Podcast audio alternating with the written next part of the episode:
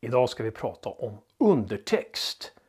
Det är ju ett begrepp som är väldigt väl använt. Men vad betyder det egentligen? Hur kan man jobba med det?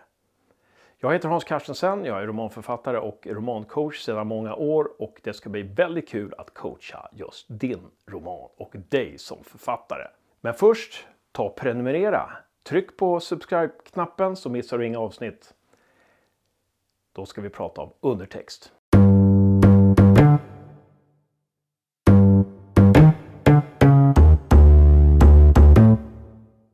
Författare pratar med det sinsemellan. Jag lyckas få till väldigt mycket undertext här.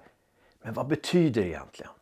Undertext har blivit liksom en metafor. Man använder om vad som helst när text fungerar och det är riktigt laddat. Men här ska vi försöka att bena ut vad undertext är lite mer konkret. Ja, undertext skapas när människor vill väldigt mycket, är uppfyllda av väldigt många känslor inför någonting, men bara ger ifrån sig i små portioner. Bara låter det sippra upp som en slags ånga i en tryckkokare. Och när vi får bara den där lilla ångan, när vi bara får de där fragmenten vi läser och tänker vi att oj, det finns mycket undertext här. Det finns mycket under ytan. Och varför använder man uttrycket under ytan? Jo, det har lite med isbergsprincipen att göra. Men den kommer vi till så småningom. Låt mig ta ett exempel här så att det kan bli lite tydligare. Till exempel två personer som pratar om vädret fast de egentligen hatar varandra. Hur blir den dialogen? Eller ett ännu mer tydligare exempel kanske. Vi säger att Johan ska gå hem till sin bror som är väldigt våldsam och har väldigt kort stubin. Då kanske inte Johan säger vad stökigt du har. Utan då kanske han säger jag kan gå ut med soppåsen. Johan vill inte säga allt till sin brorsa. Utan han, han säger någonting som han tror att brorsan inte blir så irriterad på. Jag kan hjälpa dig städa liksom. Jag, jag kan gå ut med soppåsen. Men då måste vi faktiskt förtydliga en sak som författare. För om jag som författare inte förklarar det här att Johan ska hälsa på sin bror som är väldigt våldsam och har kort stubin. Då kommer ju inte läsaren förstå att jag kan gå ut med soppåsen. Att det innehåller väldigt mycket undertext. Att det står för någonting. Att Johan säger det bara för att undvika bråk. Därför måste jag som författare antingen ge en förhistoria här.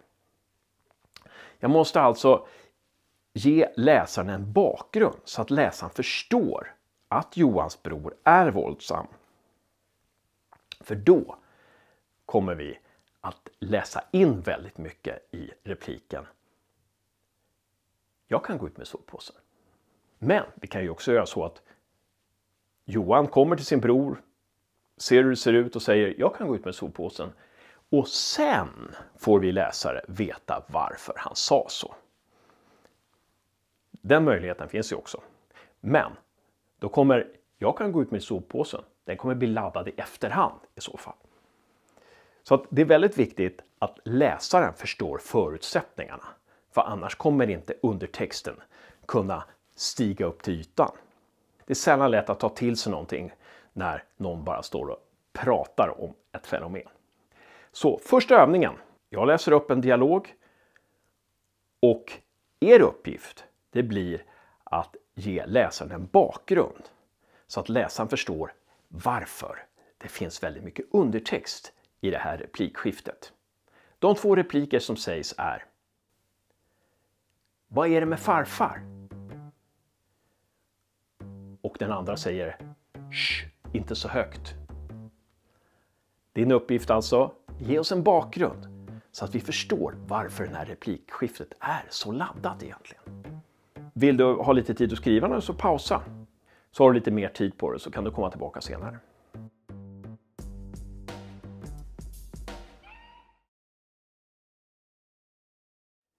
Hoppas det var kul. Det kommer en till övning snart. Som ni ser så skapar ju undertext en laddning. Det ger ett mervärde åt texten.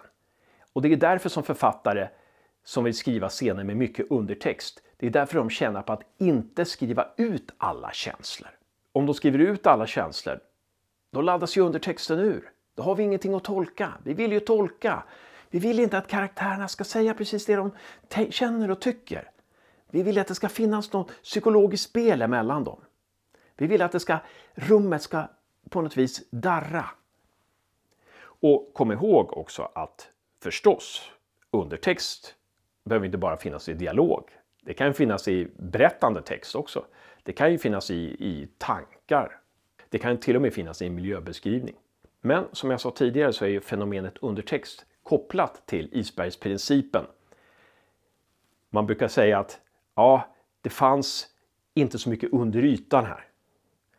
Vad betyder det? Jo, det betyder att om det inte fanns så mycket under ytan betyder det att det finns så mycket ovanför ytan. Det finns så mycket i texten. Alla känslor står i texten. All vilja, allting. Ett isberg sticker ju upp ungefär 10% ovanför vattenytan.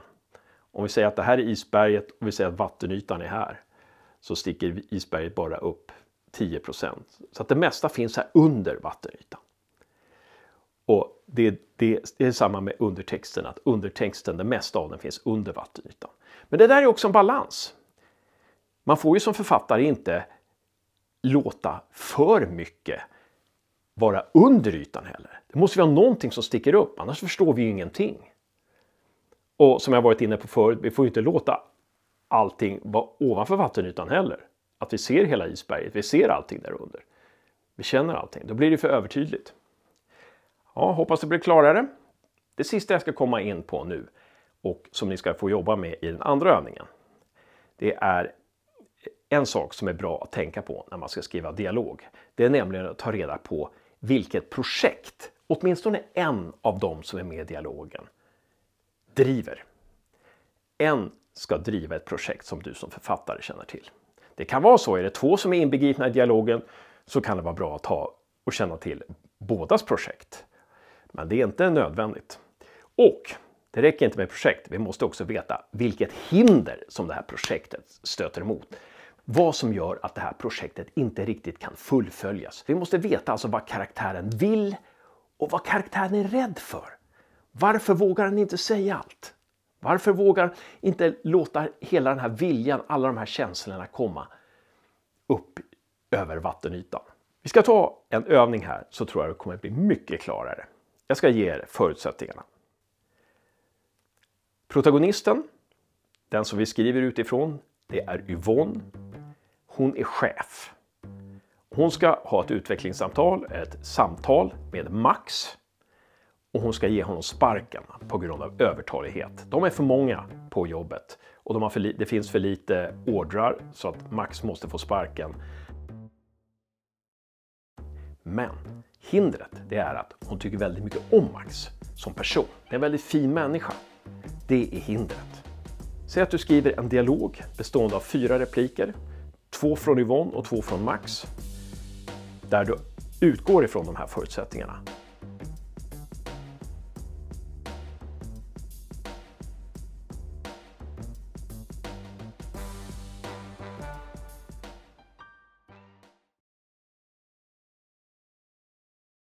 Vad kan man tänka sig att eh, Yvonne säger? Hon kanske börjar bra och säger att vad kul att du kunde komma. För det är ju så i, i en dialog när man ska jobba med undertext. Om en scen ska sluta olyckligt och sluta i en kris så kan den gärna inledas tvärt emot. Så att Yvonne kan ju ge läsaren sken av att vara väldigt positiv och, och, och ha goda nyheter. Då blir ju statusväxlingen eller den här vändpunkten desto större. Ja, då har vi pratat om undertext. Hoppas det gav någonting. Och som sagt, mejla mig gärna era försök när ni jobbar med övningarna. Det enda jag har att säga nu det är lycka till med romanen.